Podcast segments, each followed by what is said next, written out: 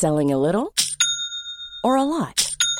Shopify helps you do your thing however you cha-ching. Shopify is the global commerce platform that helps you sell at every stage of your business. From the launch your online shop stage to the first real life store stage, all the way to the did we just hit a million orders stage. Shopify is there to help you grow. Shopify helps you turn browsers into buyers with the internet's best converting checkout. 36% better on average compared to other leading commerce platforms because businesses that grow grow with Shopify. Get a $1 per month trial period at shopify.com/work. shopify.com/work. I'm Sandra, and I'm just the professional your small business was looking for. But you didn't hire me because you didn't use LinkedIn Jobs. LinkedIn has professionals you can't find anywhere else, including those who aren't actively looking for a new job but might be open to the perfect role, like me. In a given month, over 70% of LinkedIn users don't visit other leading job sites. So if you're not looking on LinkedIn, you'll miss out on great candidates like Sandra. Start hiring professionals like a professional. Post your free job on linkedin.com/people slash people today. Wow. Nice. Yeah. What you're hearing are the sounds of people everywhere putting on Bombas socks, underwear, and t-shirts made from absurdly soft materials that feel like plush clouds. Yeah, that plush. And the best part? For every item you purchase, Bombas donates another to someone facing homelessness. Bombas. Big comfort for everyone. Go to bombas.com slash ACAST and use code ACAST for 20% off your first purchase. That's bombas.com slash ACAST. Code ACAST. Et år på bibelskole, et liv med substans. Bibelskole Substans ligger i Bergen, tett på folk og fjell. Vi løfter fram etterfølgelsen av Jesus, Bibelen, framtiden, menighet, samfunnsliv og ikke minst ledelse, fordi vi tror på alle menneskers potensial til å påvirke og lede i sin hverdag. Et år på bibelskole, et liv med substans. Sjekk ut mer på substans.co, eller søk oss opp på Facebook. Bibelskolen Substans. 17. mai-feiring, menighet hjelper flyktninger og bølger i sjømannskirken. Velkommen til denne ukens episode av Tore og Tarjei, en podkast fra dagen.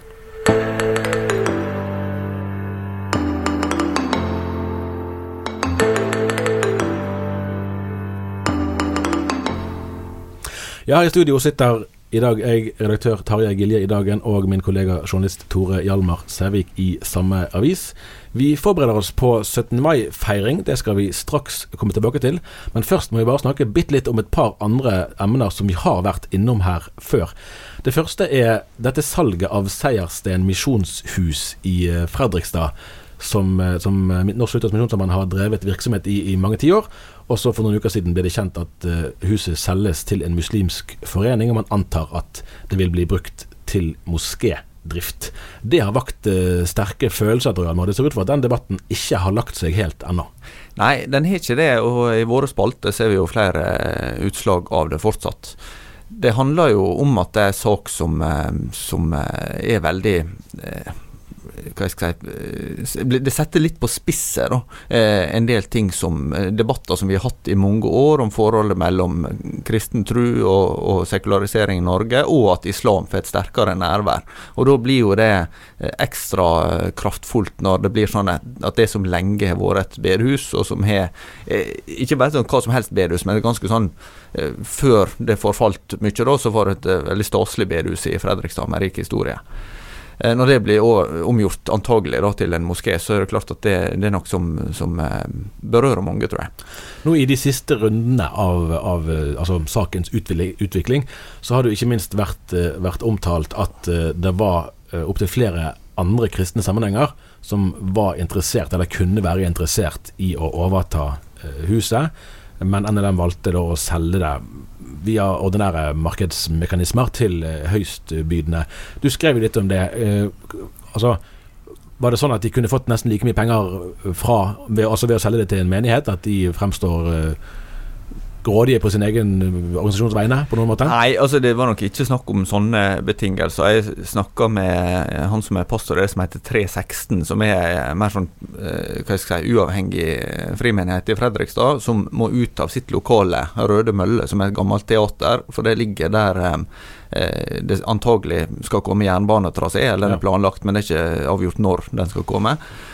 Og eh, dermed så trenger de en ny plass å være, men eh, de har vært i samtale med Misjonssambandet om da eh, Seierstein misjonshus.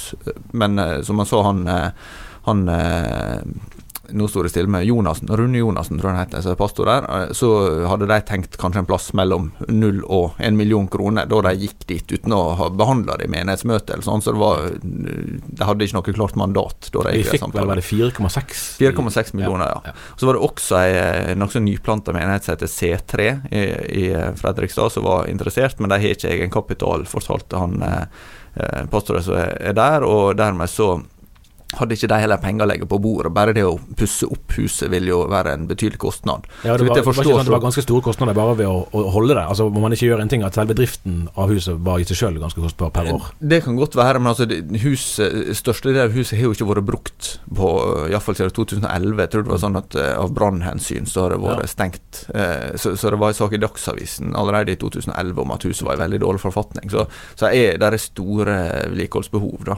Og sånn sett så, så er det klart at eh, at eh, det viser jo også ei, ei utfordring knyttet til det å eie mange ting som Mm. fortsatt ikke er bruk. For, for eh, det, det er jo ikke sånn heller at de som tar over et sånt hus, kan garantere at dette vil bestå som et kristent hus, i det, eller som et eh, kristent gudshus i det uendelige. Så hvis Misjonssambandet skulle eh, gi det fra seg, så ville de kanskje eh, kunne si at ja, så gikk det noen år, og så ble det ikke planer, og så selger noen andre det til et Mm. annet formål. Så, så, så akkurat sånne ting er jo Det er jo en vanskelig avveining, men eh, som det er blitt påpekt av flere, så skjer det jo at at eh, bedehus f.eks. blir overlatt til andre som vil drive det videre i tråd med iallfall sånn grunnleggende samme formål, selv om det ikke er i samme organisasjon eller sånn. Men, eh, men da er det jo kanskje ofte snakk om eiendommer som ikke har noe særlig salgsverdi. Ja, ja. Så er det interessant også at det avdekker dette her en viss forskjell i synet på, på selve huset, altså på bygningen. Mm. For der, altså Biskop Sommerfeld snakket jo om at dette her er en, et bedehus og ikke en kirke. Ja. Det ville jo en del kunne bli ganske provosert av at han sier at bedehus ikke er så farlig, kirken er, er det noe annet med. Og han ville jo ikke svare på hva de ville gjort hvis det var en kirke, dette her. Hva ville vært situasjonen da? Eh, mens mens Misjonssambandet har understreket at, at for de så så er ikke altså bygningsmaterialet konstituerer ikke et hellig hus på noe vis. Det er fellesskapet de troende som er de helliges forsamling. Det er det som er poenget. Om det er hus her eller der, det er ikke så, det er ikke så viktig for de, men der tenker jo andre litt forskjellig. Ja da, eh, og det går jo også på at det er gjerne et vigsla hus, at en har hatt en innvielse til eh, nettopp det å bygge Guds rike i det huset. Så eh, Nei, det, det er nok en debatt som, som eh, vi vil se mer av i, i åra som kommer. Vi kjenner jo til det fra, fra England f.eks., at eh, mange kirker er blitt tatt i bruk til Ja, helt andre ja, formål. ja. Eh, så, eh, så det er nok ikke, ikke ferdig med dette, da. Men, men eh, det er en veldig interessant debatt. Ja, virkelig. Det siste ordet er kanskje sagt i sagaen om Seiersten i første omgang, siden det har fått en, en ny eier. Men dette er jo garantert en tematikk som vil komme opp igjen. Ja. i- Eh, så han Tormod Engelsviken, tidligere professor på Menighetsfakultetet, eller MF Vitenskapelig høgskole heter det nå, han eh, påpeker det at muslimer til forskjell fra, fra sånn som Misjonssambandet tenker, ikke kan åpne for å, Mm. å gjøre, en, Ja, ja. eh, gjøre en moské til, eh, til et annet gudshus. da. Så eh, det er et interessant eksempel der i, i Istanbul, ikke sant, med Hagia Sofia, Ja. eh, som var bygd som en kirke, og så ble det da moské, og nå er- fungerer det mer som et museum. Men der har det vært snakk om at det skal eh, omgjøres til moské igjen. Det kan hende at eh, resultatet av eh, ordførervalget i Istanbul indirekte kan få betydning for det der. Det eh, skal bli sånn, interessant å se. presidenten gjør med det der. Vi får se. vi får se Den andre saken som vi har snakket så vidt om før, er jo, eh, er jo denne sjaman Durek, som det viser seg òg er Märtha Louises eh, kjæreste, ikke bare hennes eh, kollega. Nå er det jo bare noen dager til eh, dette seminaret i St. Petri kirke i Stavanger skal, eh, skal finne sted. Eh, hvor interessant eh, er saken nå? Altså eh, det kan du si, teologiske, åndelige innholdet er jo ikke egentlig forandret, eh, annet enn at det er blitt en Det, aktualiserer mer kanskje det både det private for Märtha Louise del, hvem som er hennes kjæreste, det skal vel ikke vi nødvendigvis mene så veldig mye om, eh, men òg det kommersielle da, i at det blir en tettere binding mellom kongehuset og en aktør på det religiøse markedet utenfor det som i hvert fall har vært vanlig norsk eh, religiøsitet. Eh, er dette et sentimentalt engasjement, eller er det mer substans her eh, fremdeles? Det er iallfall et, eh, et eh, landskap som har endra seg ganske betydelig. Da. Og det viser vel hva jeg si, noe om at spiritualitet i vår tid er blitt noe veldig subjektivt og, og veldig sånn flytende. Eh, og, og, at du også da uh, har ei kirke som har et avklart læregrunnlag, men som i, i møte med dette eh, måtte, måtte ha høgde for både en, en annen, et annet religiøst landskap, men også kommersielle krefter inn i det. Da. Så, så det, blir, eh, det blir noe sånn utfordrende Eh, avveininger, og der eh, Jeg vil tro at dette her har vakt eh, betydelig mer uro for en del år siden enn det det har gjort nå. da. Ja, det er vel rimelig, rimelig sikkert. Ja.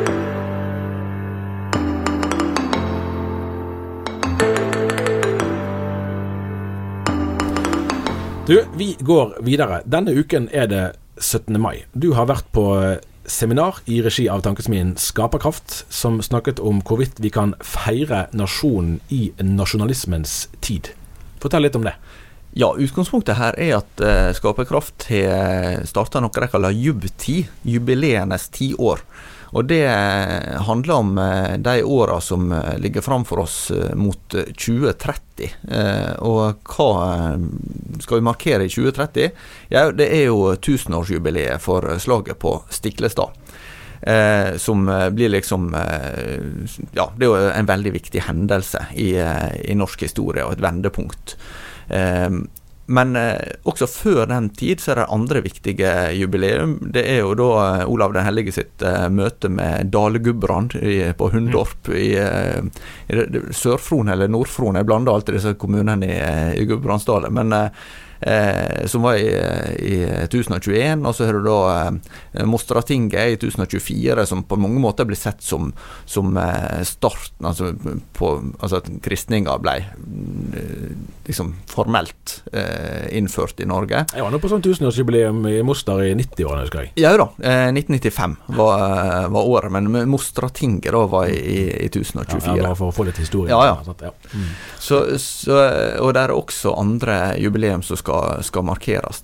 Så, så, det er nok det utgangspunktet. Men så har en jo også en aktuell dimensjon med det at eh, nasjonalismen eh, vokser som ideologi i verden. Og Det var noe av det som ble tatt opp på det seminaret. Det var mange interessante bidragsytere. Henrik Syse var der. Eh, historieprofessor Øystein Sørensen var der. Eh, og eh, ja, eh, ganske sånn bredt sammensett spekter av, av folk som, som, hadde korte foredrag. da. Det liker vi som journalister når noen kan fatte seg korthet. ja, det er jo ikke alltid til sjøl heller. Men, men det som er interessant, er at nasjonalismen er på, ganske sterkt på frammarsj de fleste plasser i verden, egentlig. En snakker jo gjerne om eh, Polen og Ungarn og, og sånne land, men, men, eh, og USA, men en litt annen form for nasjonalisme. da. Men, eh, men også Russland og Kina og India og sånn er jo prega av nasjonalisme, selv om, selv om det er land som ikke på samme måte kan regnes som en nasjonalstat, sånn som en er mm. tenkt om Norge, f.eks. Um, men uh, Asle Toje, som er utenrikspolitisk forsker og sitter i Nobelkomiteen, påpeker jo at det, det finnes forskjellige former for nasjonalisme. Den uh, måte ekskluderende forma som kan være undertrykkende for mm. minoriteter, og den forma som er basert på et felles verdigrunnlag, eller felles grunnlov, som jeg mente den norske er et eksempel på. Så, så, det er veldig interessant å tenke over når vi nå skal feire grunnlovsdagen. Norge har jo verdens nest eldste fungerende grunnlov. Etter den, etter den amerikanske. Ja. Men, eh, men, eh, samtidig så har den norske grunnloven stadig vært i, i, endring. Noe jeg også har skrevet sak om denne veka. Ja, det skal vi komme litt tilbake til. Ja. Eh, var, I forrige uke var jeg innom og hørte på, på han her Steve Bannon han på nordiske mediedager. Det, var, det, har du skrevet litt om, og det er jo mye å si om det på mange vis. og Vi skal ikke gå inn ved alle sider ved den saken her. Vi var vel innom det i forrige uke. Men han, han distanserte seg jo fra det som han kalte for etnonasjonalisme. Det syntes han var, var, rent ut sagt var, altså stupid, var det ordet han brukte. I tillegg til at det var, ikke var gjennomførbart som prosjekt. Men han snakker jo om seg sjøl som nasjonalist i positiv uh, mening av ordet. Og det lurer jeg litt på. Finnes der, uh, finnes der faktisk en reell positiv nasjonalisme. Ordet høres jo ikke positivt ut. At vi forbinder det med nesten en sånn forløper til eh, fascisme, gjerne. Sånn assosiativt. Men, men, når du er på dette seminaret, snakker de om nasjonalisme som en positiv drivkraft? Ja, eh, det er nok det jeg syns er interessant. Altså, når, når eh, noe blir et en trussel, så, så, kan en ofte omtale litt uh, unyansert. Og, og et av de perspektivene sånn Øystein Sørensen var inne på, han har jo skrevet uh, om veldig mange interessante ting. da. Han har skrevet om historie om konspirasjonsteorier, han har skrevet om venstreekstremisme og høyreekstremisme, og om kontrafaktisk historie, altså mm. historie om det som ikke skjedde. Ja. Hvordan hadde ting gått hvis det var, annerledes. Mm. Og, og, da var han uh, bl.a. inne på det at noe av det som har vært et særpreg og, og, egentlig en suksessfaktor for Norge, det er evna og vilja til å være i dialog og inngå kompromiss. Og jeg mener Det er noe du også kan se helt tilbake til Grunnlova, sånn som arbeidet med den ble gjort. Eh, til strid om innføring av parlamentarisme i 1884, eh, som også kunne blitt ganske, ganske alvorlig, men som gikk bra. Og unionsoppløsninga med Sverige i 1905. Ja, til og med valget i 1919 som førte til at Arbeiderpartiet ble det største eh, partiet i Norge. Og På den tida må vi huske at Arbeiderpartiet var kommunistisk, var mm. medlem av Komintern, altså den internasjonale organisasjonen for kommunistiske parti. Eh, hva gjorde en for å løse det problemet? Jau, en endra på valglovene i Norge. Eh, og Grunnen til det var at eh, Arbeiderpartiet ble mobilisert av å være eh, De opplevde at de ble ikke rettferdig representert på Stortinget. Men når de ble ble møtt med forståelse, og, og, og en endra sånn at en opplevde at en ble mer eh, representert, så ble den måtte, radikale eh, bølger i, i, Arbeiderpartiet svekka. Eh, og, og, det går litt tilbake til hva er det som binder et folk sammen? Hva, hva er det som skaper identitet? Og da trenger en jo en forståelse av at hvem er vi som folk? Eh, hva verdier har vi? Eh, hvordan skal vi leve sammen? Eh, da, da, går, da, går, linken videre direkte til den saken som står på trykk eh, altså i dag, onsdag, når vi gjør dette opptaket. Eh, intervjuet med historieprofessor Frode Ulvund Universitetet i, uh, i, Bergen her. Det var særlig én ting han sa i det intervjuet som jeg merket meg. Han sa at religionsfrihet det var en abstraksjon frem til langt ut på 1800-tallet. Og Der er det jo en, liksom, en ganske interessant spenning, da, fordi at i dag det er det jo òg mange kristne som gjerne snakker om vår kristne, altså Norges kristne, for så vidt Europas kristne historie, kultur, arv. Man snakker om verdier der, og, og tenker at det var lett lettere på mange måter å se for seg samfunnet før. Eh, og så har jo vi her på kontoret snakket mange ganger om hva er det egentlig man vil tilbake til. For det er jo egentlig ganske mange sider ved historien som de aller fleste kristne i dag vil distansere seg fra. Og f.eks. lurer jeg her da på religionsfrihet. Er det et premiss som egentlig hører den etterkristne nasjonen til? Det er jo et uh, veldig interessant spørsmål. Hvis vi ser på norsk historie, begynner på eh, fra reformasjonen ble innført i Danmark-Norge 1536-37, så var det jo sånn at du måtte være luthersk for å bo i Norge. Mm. Eh, fram til egentlig eh, 1843. Nå var det en viss åpning eh, i praksis, da kanskje før det, men altså da vi fikk det første ikke-lutherske trossamfunnet i Norge i 1818, som var kvekerne. Det var nordmenn som hadde sittet i, i, fangenskap i England og blitt eh, kvekere under napoleonskrigene. Eh, og når de da kom tilbake igjen, så, så, ble dette veldig problematisk. For de ville ikke eh, la prester døype ungene sine, og de ville ikke eh, bli eh, begravd på, på kirkegårder og sånne ting. Vil ikke bli eh, via av prest. Eh, og, og det, det, gjorde jo at en, en fikk problemer med dette. Så, så Løsninga ble jo da etter hvert å innføre den såkalte dissenterlova i 1845, som, som åpna for på en måte ga religionsfrihet for kristne. da. Eh, det hadde vært eh, diskutert også på Eidsvoll, som Frode Ulven påpeker i mm. intervjuet som har med i, dagen, at uh, en skulle ha religionsfrihet for kristne i Norge. Men, men det forsvant i, måte, fram mot det endelige, ut, altså det endelige resultatet av, av Grunnlova. Og uh, det var jo da, som mange vil kjenne til, innreiseforbud for jøder eh, som besto fram til Stortinget fjerna det i 1851.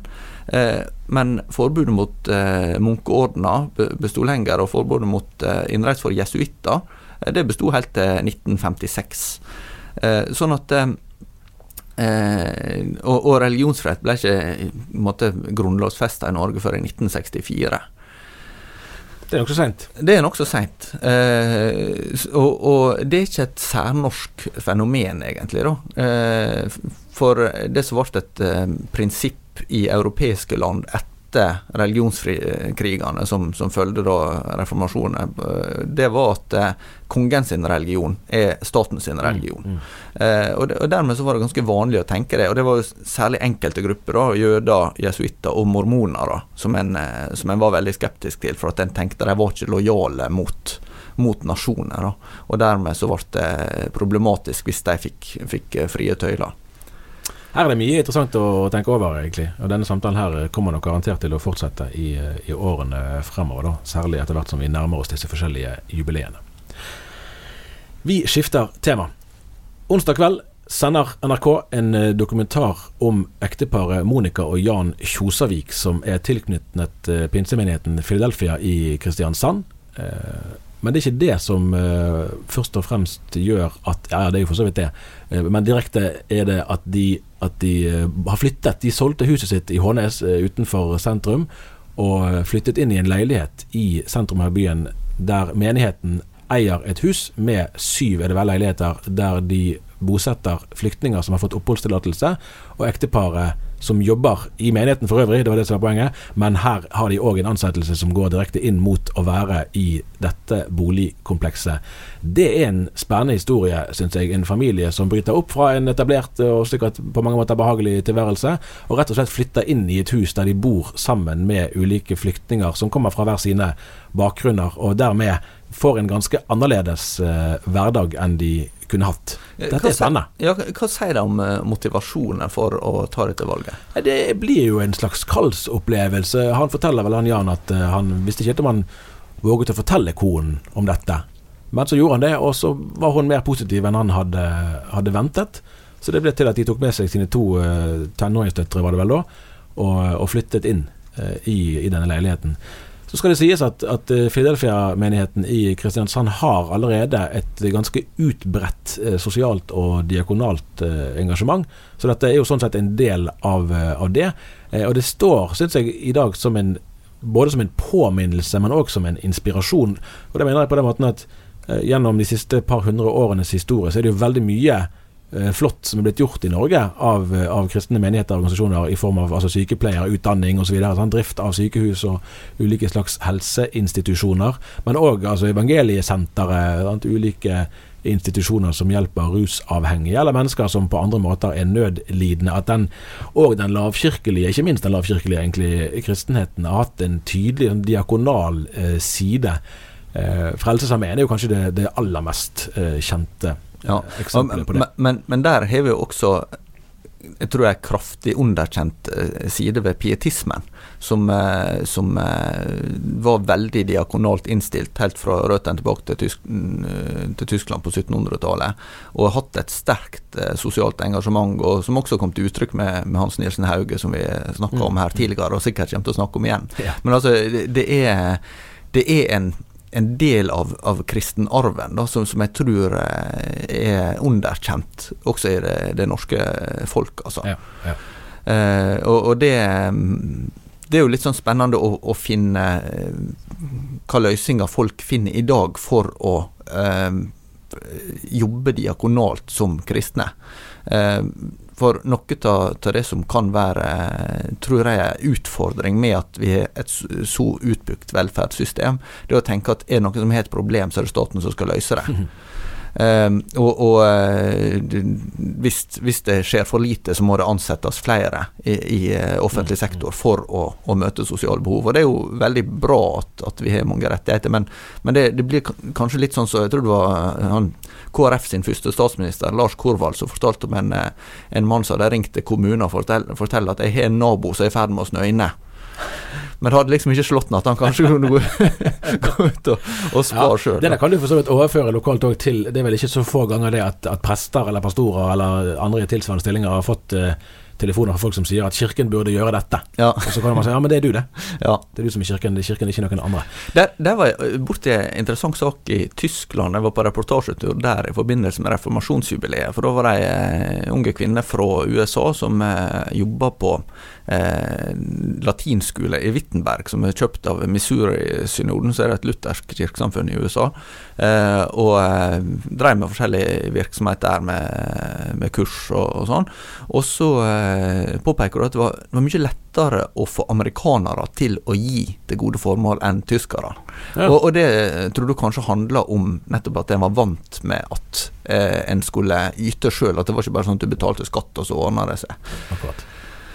Vi skriver på lederplass eh, i dagens avis om, eh, om Altså, det er jo et interessant gjentagende tema, ikke minst i Det gamle testamentet. Eh, ansvaret for å ta vare på den fremmede. Sånn, flere ganger så vises det til israelsbefolkningens eh, eksil i Egypt. Du har selv vært en fremmed, eh, og derfor er det et ansvar å ta vare på den som nå er fremmed eh, hos deg. Så er det sånn, kanskje mange kristne ledere med ulike, ulike ståsted som har prøvd å foreskrive en bestemt eh, politisk eh, oppskrift. Det skal man være litt forsiktig med fra kirkens side. Men uavhengig av om man stemmer sånn eller sånn, eh, så, så er det jo et eh, Det vil jeg jo si det er et kristent ansvar eh, å ta godt imot den, eh, den fremmede.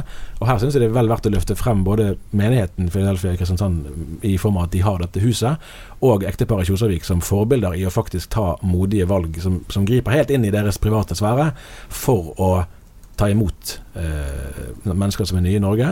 Og Vi kan for så vidt trekke en linje til det som var forsideoppslaget vårt her på tirsdag, om en dame fra Litauen som snakket fint om at hun i Norge opplevde å bli møtt med respekt. og Det, henne, det, er, jo, som, det er jo ikke alle som har den opplevelsen, men hun snakker om at man uavhengig av hvilken jobb man har, så blir man faktisk tatt godt imot her i landet. Hvis vi skal være kanskje litt eh, snille med oss sjøl, så kan vi jo tillate oss kanskje å tenke at vår eh, kristne historie kan ha en viss betydning for det at vi har lært oss til å ta imot, og at det er en plikt for oss å ta imot eh, nyankomne.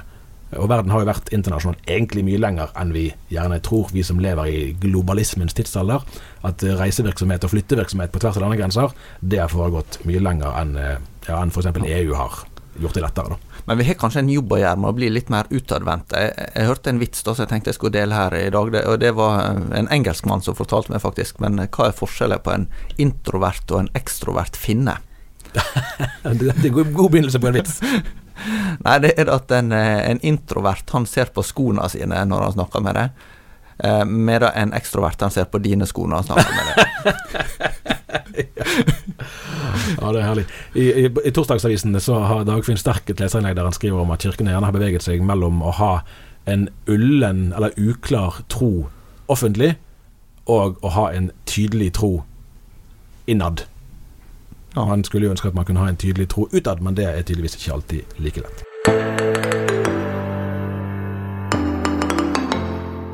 Vi har fått besøk i studio av nyhetsredaktør Astrid Dalehaug Norheim. Og du er her for å snakke om bølger i Sjømannskirken, i overført betydning naturligvis. Ja, Vi hei, har hei. eh, hatt flere saker i det siste om Sjømannskirken uh, på Gran Canaria.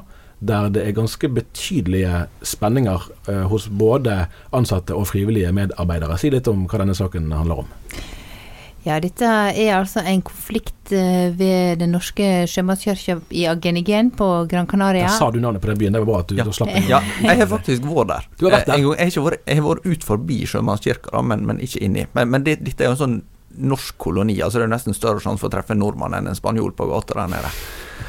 Det ser ut som det ligger utrolig fint. Ja, veldig fint. Det ligger helt ned med, med havna der. Ja. Så ja, det er en veldig fin plassering. Ja, og eh, nå har jeg aldri vært der, men jeg har jo vært innom noen andre sjømannskirker. Og det er jo Det å gå på sjømannskirke, det er en plass De ønsker jo å si velkommen hjem. Eh, og det har jo vært min erfaring når jeg har vært innom òg, at det er veldig godt å komme inn. Du blir tatt så godt imot. Du føler at du kan senke skuldrene, og her er vi i et norsk fellesskap. Og når det da blir en voldsom konflikt, så blir det jo avstanden mellom det sjømannskirka ønsker å være, eh, og det mange har opplevd det som, og det de står i, de som er ansatt der nede, den blir veldig stor. Eh, så vi har skrevet flere saker om dette her. Mm, Du spør om hva det gikk i. Eh, det er det flere som har spurt om, òg etter at de har lest sakene. eh, nå er det jo ofte Altså, det vi har skrevet, eh, det er jo at eh, det er mange av de ansatte, sju av de ansatte, er sykmeldt. Eh, mange av de frivillige, det har vært en stor frivillig stab der nede som har eh, slutta, tråkket seg. Eh, og at de opplever seg lite sett og hørt av hovedkontoret her i Bergen, som har håndtert denne konflikten dårlig. Eh, så er det folk som lurer på ja, men hva er det for noe? Og det er jo alltid et dilemma, da, eh, som eh, vi journalister står oppi, og vurderinger som vi redaktører må gjøre. Hva skriver vi, og hva skriver vi ikke? Eh, I mange saker så vet vi jo mer enn eh, Eller sitter på opplysninger og sånn, eh, som vi ikke, velger å ikke skrive, og det er Ja, det er alltid en avveining, da. Ja. Men, men kan det være at vi eh, står i fare for å, å gi folk mer varme enn lys i sånne, sånne saker? Altså, altså at, at folk tenker at her foregår det et eller annet, men du blir ikke mye klokere på hva det egentlig er. Og så lurer folk ja, men hvorfor skriver dagen om dette når du liksom bare får vite at her er det konflikt, men du får ikke vite noe mer. Ja, ikke sant. Og det er jo det, med- en av de tingene vi snakker om. eh, hvor mye må vi skrive og gå inn i konflikten? Eh, det som er liksom tommelfingerregel, eh, hos meg i alle fall, er det at eh, da det er mennesker, eh, så vil det alltid oppstå eh, konflikter. Ingen av oss er perfekte. Vi gjør alle feil. Det som er viktig i kristne miljø og organisasjoner som vi jobber mye med, er jo hvordan ting blir håndtert. Eh, så derfor så har vi òg i denne saken så langt eh, hatt stor oppmerksomhet knytta til hvordan hovedkontoret har håndtert dette her. Og satt fokus mer dit enn akkurat på eh, hva som skal ha skjedd og ikke ha skjedd internt på kirka der nede. Um, og så er det en sånn, vi har alltid en uh, kontinuerlig vurdering uh, hva vi skal skrive uh, neste gang. eh, og det, da må vi tenke eh, Gir det ingen mening for folk, eh, det vi skriver om? Eh, bør vi gå mer inn i og beskrive opp eh, hva- som er problemstillingene her? Eller er det eh, Det som egentlig er saken, er at man må klare å rydde opp i en konflikt, eller forebygge en konflikt. At det kan egentlig være mer tilslørende hvis vi går veldig inn i én konflikt, ikke sant. Man Er det noe som har skjedd eh, som vi vet om etter at vi begynte å skrive? Altså Det vi vet, er jo at uh, generalsekretær Ørnulf Steen uh, var der nede nå i helga. Det ville nok antagelig ha vært uansett. Eh, det, det vet vi jo ikke. Eh, men vi går ut fra at de var jo allerede i gang med, med å håndtere saken når vi begynte å skrive, Ja. eh, og fortsette eh, med det. Og hovedkontoret, eller Ørnulf Steen, generalsekretær, sier jo det at de følger opp tett, og eh, sier at i sånne situasjoner så er det uenighet eh, ofte om veien videre, og at det vil være ulike virkelighetsforståelser. Han virker nå, etter han kom eh, tilbake eh, på denne veka, så virker han mer optimistisk på å finne en løsning. Em, fagforeningene, som i sånne situasjoner så er det ofte veldig greit å snakke med fagforeninger eller hovedverneombud eller den type posisjoner som snakker på vegne av de ansatte, og de har en posisjon å kunne snakke på vegne av flere av de ansatte. Eh, opplevde at fagforeningslederen var mer avventende. Eh, Ja. ja, ikke så udelt positiv, men klart det de har mange hensyn å ta her. Vi snakker, jeg tror det var var 1400 besøkende om dagen. Ja, de har jo en Jeg lurer på om det eh, var 80 000 i løpet av et år jeg leste. Det Det er- er, jo, altså, for å si det Hvis vi tenker at norsk kirke, da. Dette er jo fantastiske besøkstall. Ja, og det er vel akkurat det du Ja. beskriver, du eh, Tor Hjalmar, som har vært der nede og sett. Dette er jo en norsk koloni. Ja da, og, og det er jo nok det som slår meg også når altså, jeg har vært sjømannskirka i London og New York og sånn, så, så er det jo eh, noe med at dette er et, et, et møtested for nordmenn i utlandet. Og det, det har jo eh, sjømannskirka vært lenge. Altså, jeg, vokste opp med at det var eh, min bestemor var med i eh, forening for, uh, for Sjømannsmisjonen. Og de arrangerte basar og sånn. Jeg har vært på basar. Det var veldig kjekke Ja. basarer. Ja. Det var alltid så veldig fine gevinster. Ja. Mm. så, så det har jo en sånn her eh, liksom utestasjonsfunksjon, da. Eh, som gjør at Ikke minst nå når eh, det er 17. mai, så er jo det en viktig plass. Og, altså, du føler liksom at det, det er et lite stykke Norge. Og på Gran Canaria så er det jo eh, sesongarbeid. Mm. Eh, fordi at det er jo mange nordmenn som bor der nede i vintersesongen, Ja, og så kommer de hjem igjen. Så nå er sesongen over. Mm. Eh, Jeg forstår sånn at de trent fram til påske. Ja. Eh, så har de ansatte som er vinterassistenter. Ja. Eh, sånn, så de, det er en egen dynamikk eh, der. Da. Så i, i sesongen så kan de ha altså opptil 1400 innom hver dag, så det er jo betydelig. Men altså dette er jo sånn folk er jo, Det er jo ikke obligatorisk å gå der, eh, eller at de er pålagt av noen. Sånn, så det betyr jo at de har klart å skape et kjempemiljø som er sikkert veldig viktig for mange av de som går der. Det ser du jo mange, mange frivillige. De gir mye av tida si. Eh, viktig for dem. Og vi- sikkert viktig for dem sjøl, men òg for å et for andre. Eh, og når de trekker seg Ofte tar det jo litt lang tid før frivillige trekker seg, ikke sant. Når det skjer noe. Så det er en, eh, sikkert en veldig opplevd alvorlig situasjon, altså. Ja. Er, det, er det ventet noe altså Skal det være noe slags evaluering eller et eller annet sånn undersøkelser av noe slag at vi, vi kan innen sankthans eller innen sommerferien eller et eller annet sånn at det, det kommer en avklaring, eller er det mer sånn at dette er personalprosesser og hva det er som løper, av en dag får de en løsning formodentlig, men de vet ikke helt når det Det som er åpenbart, er at de vil eh, ha ting på stell igjen før eh, neste sesong begynner, ja. eh, til høsten.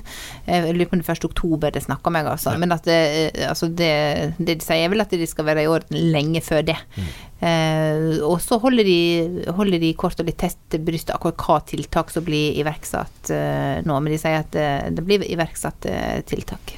Skal vi si det sånn? Ja, Det det var det vi rakk for denne gang. Og da eh, ønsker vi alle en god grunnlovsdag. Absolutt. Det gjør vi. Og så eh, høres vi igjen i Vi neste uke. igjen. Ta gjerne kontakt på tore.dagen.no eller tarjei.dagen.no. Abonner gjerne i iTunes eller Spotify eller på en annen eh, plattform, og gi oss gjerne en vurdering der. Vi høres igjen.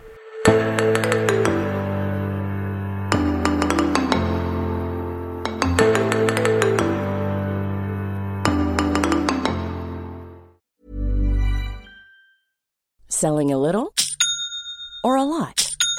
Shopify helps you do your thing however you cha-ching. Shopify is the global commerce platform that helps you sell at every stage of your business. From the launch your online shop stage to the first real life store stage, all the way to the did we just hit a million orders stage.